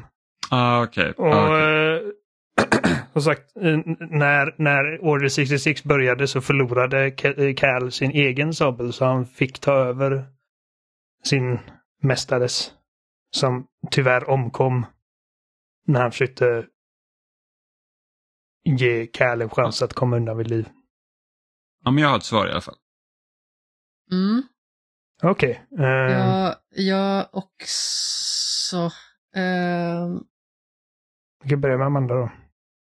Ska jag börja? Mm. Alltså, jag höll jättelänge på att skriva Seer Janda, men jag kom ju på att det är ju en helt annan person. Ja, det är hans... För- Ja, eh, Janda var liksom det första jag kom på liksom, som ploppade upp i huvudet. Sen bara så här, men det är någonting på J tror jag.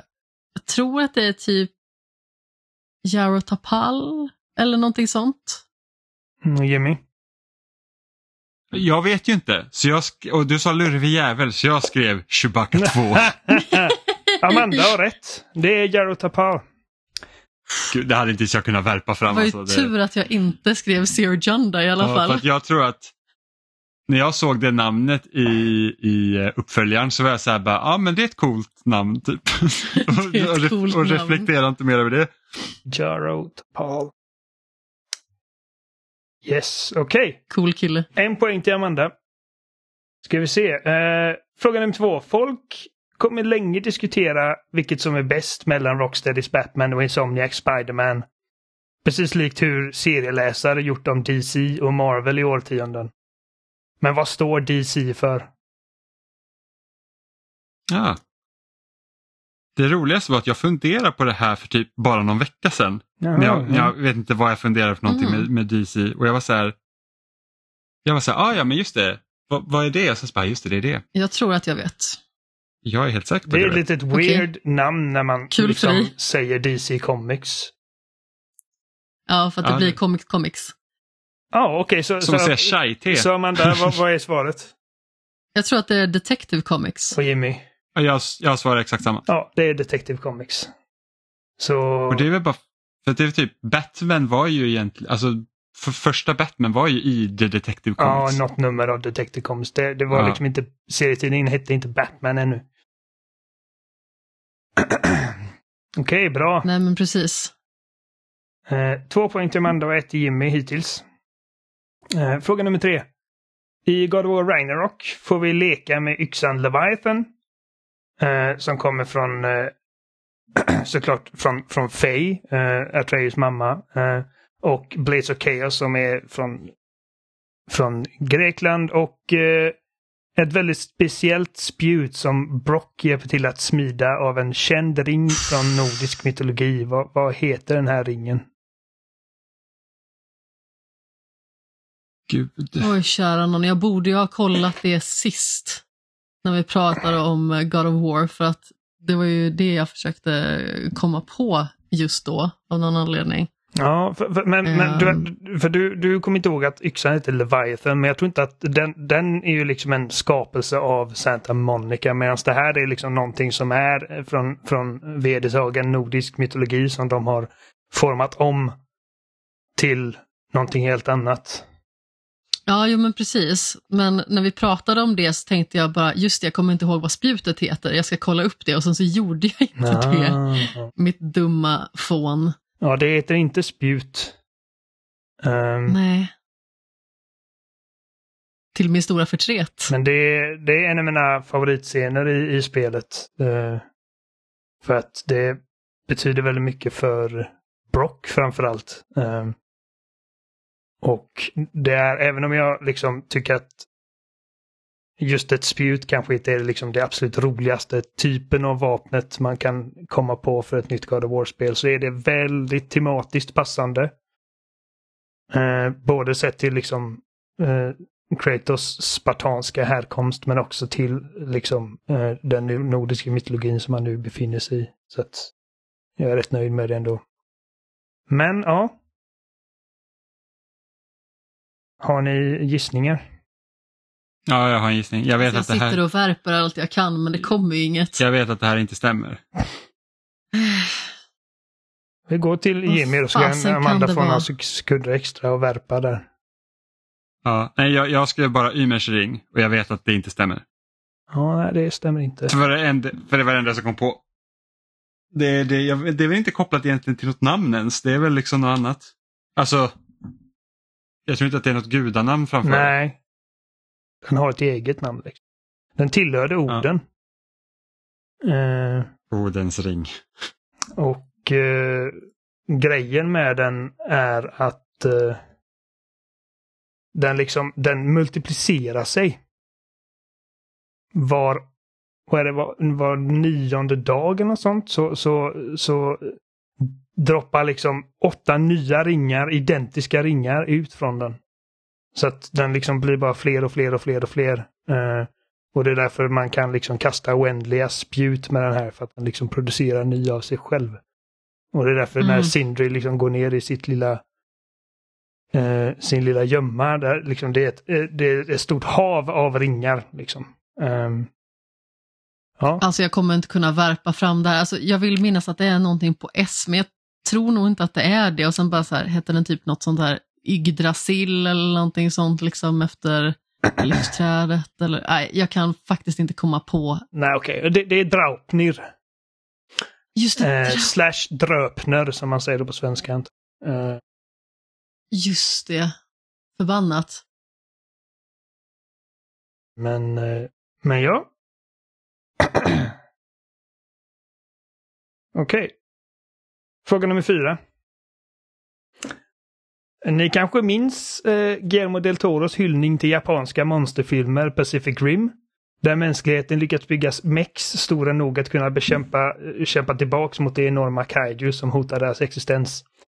Ellen McLean lånar ut sin röst till den AI som styr subsystemen i huvudpersonernas mech Gypsy Danger.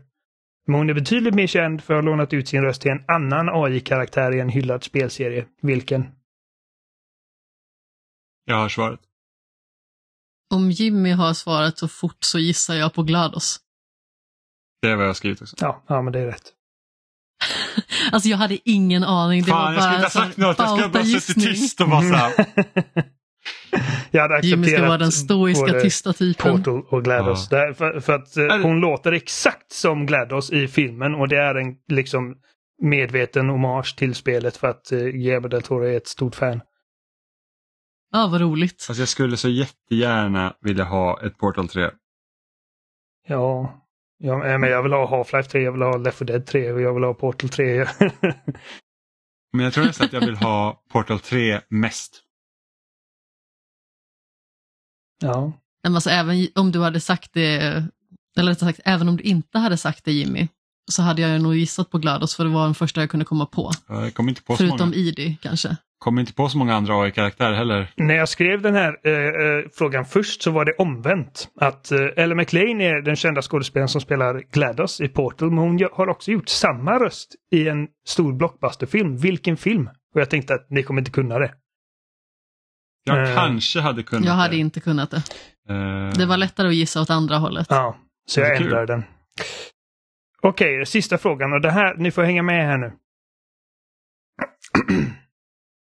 Remedy är väldigt heta nu med det mångnominerade Alan Wake 2 och en Max Payne-remake på väg.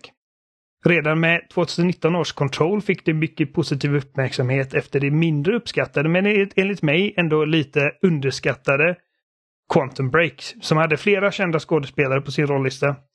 Bland annat den underbara Rest in Peace Lance Reddick och Game of Thrones-skojaren Aiden Gillen, men även Dominic Monaghan som ju var med i tv-serien Lost Lost fick i sin tur ett skitdåligt spel gjort kallat Lost via Domus som Jimmy har spelat. Um, Jajamän. Horribelt. Och, och, ni som har sett serien minns säkert att det här mystiska monstret som var på den här ön som man hela tiden bara vad, vad är det för någonting? Visade vara eh, bara ett tråkigt rökmoln. Eh, så med, med så här, sentient rökmoln. Eh, och i Infamous Second Sun är det ju rökbaserade attacker som protagonisterna använder sig av. Vilket är en rätt unik typ av element för den sortens grej. Föregången hade liksom blixtar. Man har ju sett massa uh, superhjältar med blixt eller elattacker. Men här är rök, vilket var jävligt coolt. Och med neon och grejer. Uh, I det spelet så är ju det, det är ju Seattle som är sandlådan. Och ett annat spel som utspelas i Seattle är Last of Us 2 som är mycket mindre sandlådigt i sin ton. Men här får vi följa Ellie i ett hatiskt hemtåg mot en grupp som är ansvariga för Joels död. Uh, och slutligen på tal om själviskt drivet massmord. Hur många kolosser är det Wonder besegrar i Shadow of the Colossus?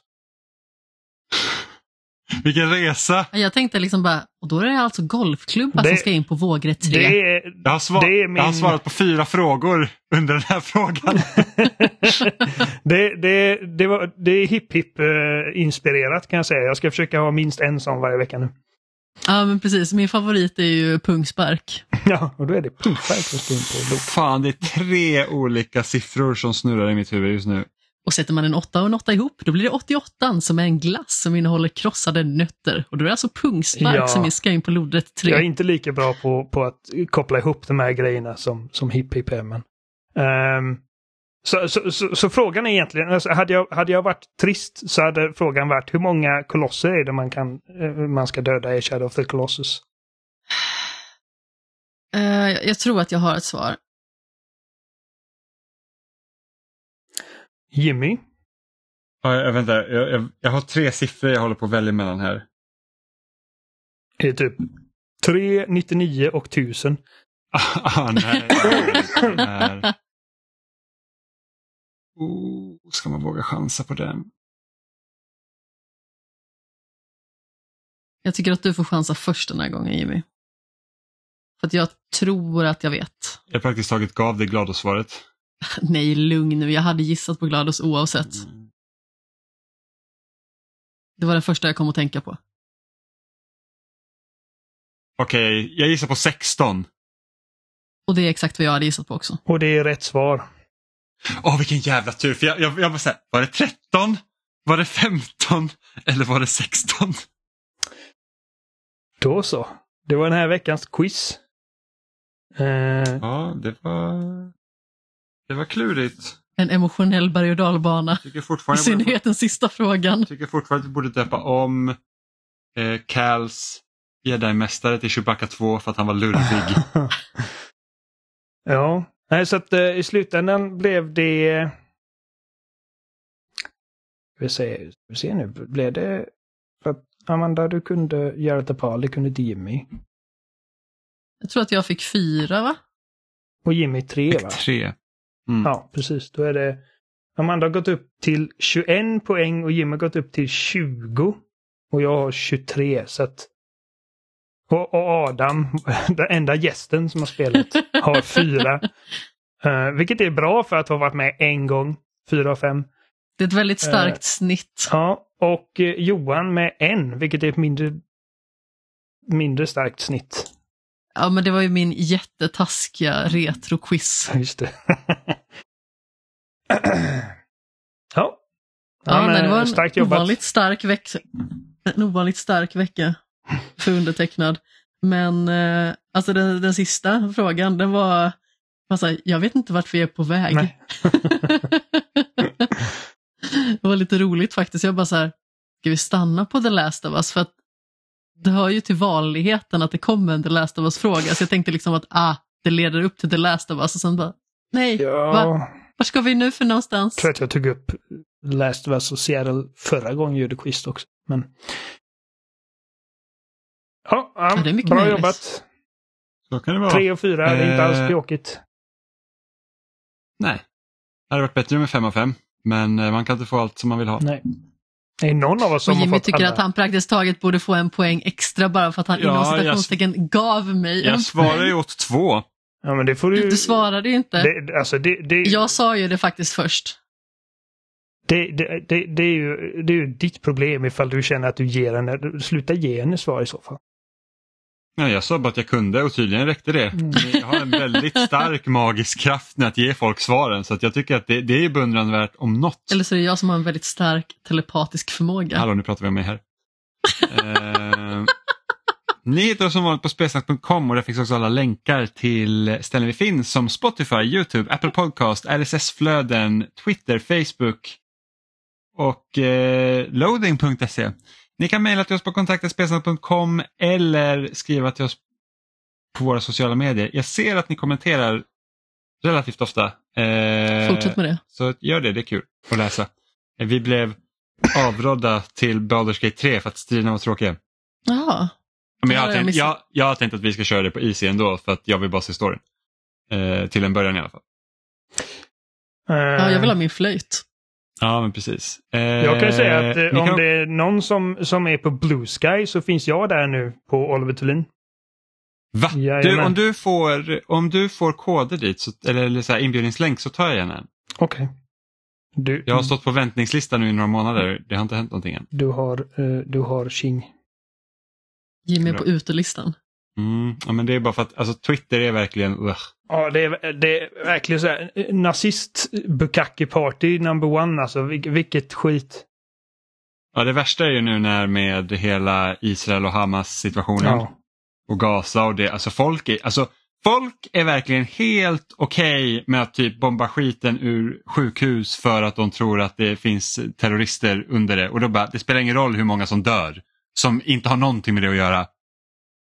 Det är liksom, jag, jag, jag kan inte riktigt förstå hur okej okay man kan vara vid mänskligt lidande. På den nivån. Att man liksom bara säger fuck it. Den här cancersjuka personen, vad gör det? Eller det här barnet som precis har fötts, vad gör det? Så länge typ någon liksom skurk kanske dör. Mm. Det, det är vidrigt. Alla och det är liksom en grej så här att, på Twitter också. Ja, ja men precis, det är vidrigt. Men det, det är liksom en sån grej så här att ja, det är väl kanske inte schysst om man då skulle ha en, en bas under ett sjukhus. Det är ingen som tvingar någon att bomba det sjukhuset. Ehm, oavsett så är det liksom helt... Det är vidrigt där. De, de har ju uppenbarligen Eh. inga problem med att bomba sjukhus heller, så jag vet inte varför man skulle gömma sig under ett sjukhus. Nej, jag, jag, så- och, det, och det är jättemycket desinformation Ja. och propaganda som florerar. Det är liksom Alltså jag typ måste typ läsa någonting om det kriget från typ tre olika oberoende källor för att jag liksom ska, okej men det där är förmodligen det som har hänt. Eh, för att det är liksom Israel jobbar stenhårt på att liksom typ göra allt för att de ska se bra ut. Det är så krig Trots bekämpas att de idag. gör Ja, men trots att de gör liksom hemska saker. För det är alltid så här typ att, ah, nej men så här är det. Oj då, vi blev tagna på sängen. Så här var det typ. Sen så bara, ah, oj då, det var mer, ni, ni förstår att det är mer illa än vad det var från början. Så att usch. Så att nej, det, det är riktigt, riktigt hemskt. Det är liksom till den nivån att jag undrar så här att hur ska man kunna jobba med någonting som gör att världen är mindre hemsk? Det är liksom på den nivån. Det händer för mycket hemska saker för att liksom man känner så här att okej, men vad, vad skulle jag kunna göra för att göra det bättre? Och jag vet inte. Nej. Förmodligen inte mycket. vidrigt. Nej, det är ju det. Och så sitter så här. Det, tänk liksom hur mycket lidande som pågår i världen på grund av att några få bestämmer. Ja, ja så, så har det alltid varit. Jag vet. Det är vidrigt. Det blir mörkt för att jag tog upp Blue Sky, men... Eh, Solen gick ner, Ja. nu blir det inget mer. jag håller med dig. Jag, alltså, ja, jag, hatar, jag hatar Elon Musk. Twitter är... Han har verkligen förstört det. Han har förstört all glädje med Twitter. Ja, och det värsta är att han äger skiten också så att oavsett om man följer honom inte så får man se hans jävla fula tryne hela tiden på Mm. den här jävla plattformen. Ja, Skitgubbe. ja verkligen. Men glöm inte att ni kan lyssna på vår spoilercast för Spiderman som vi släppte förra veckan. Eh, om ni har spelat det. Det hade varit väldigt kul att höra också vad ni tycker om Spiderman och de diskussioner vi har haft. Eh, om inte annat så hörs vi en eh, nästa onsdag. Hej då Och vi Albin. har också spikat dat- eh, ja, precis, Albin. Vi har också spikat datum för vår årets spelstream som vi kör den 16 december. Där vi kommer streama 10 av våra favoritspel som har släppts under gångna året. Så att, eh, häng med då. Yes! Uh. Åh, Puss i ljumsken. Hej då!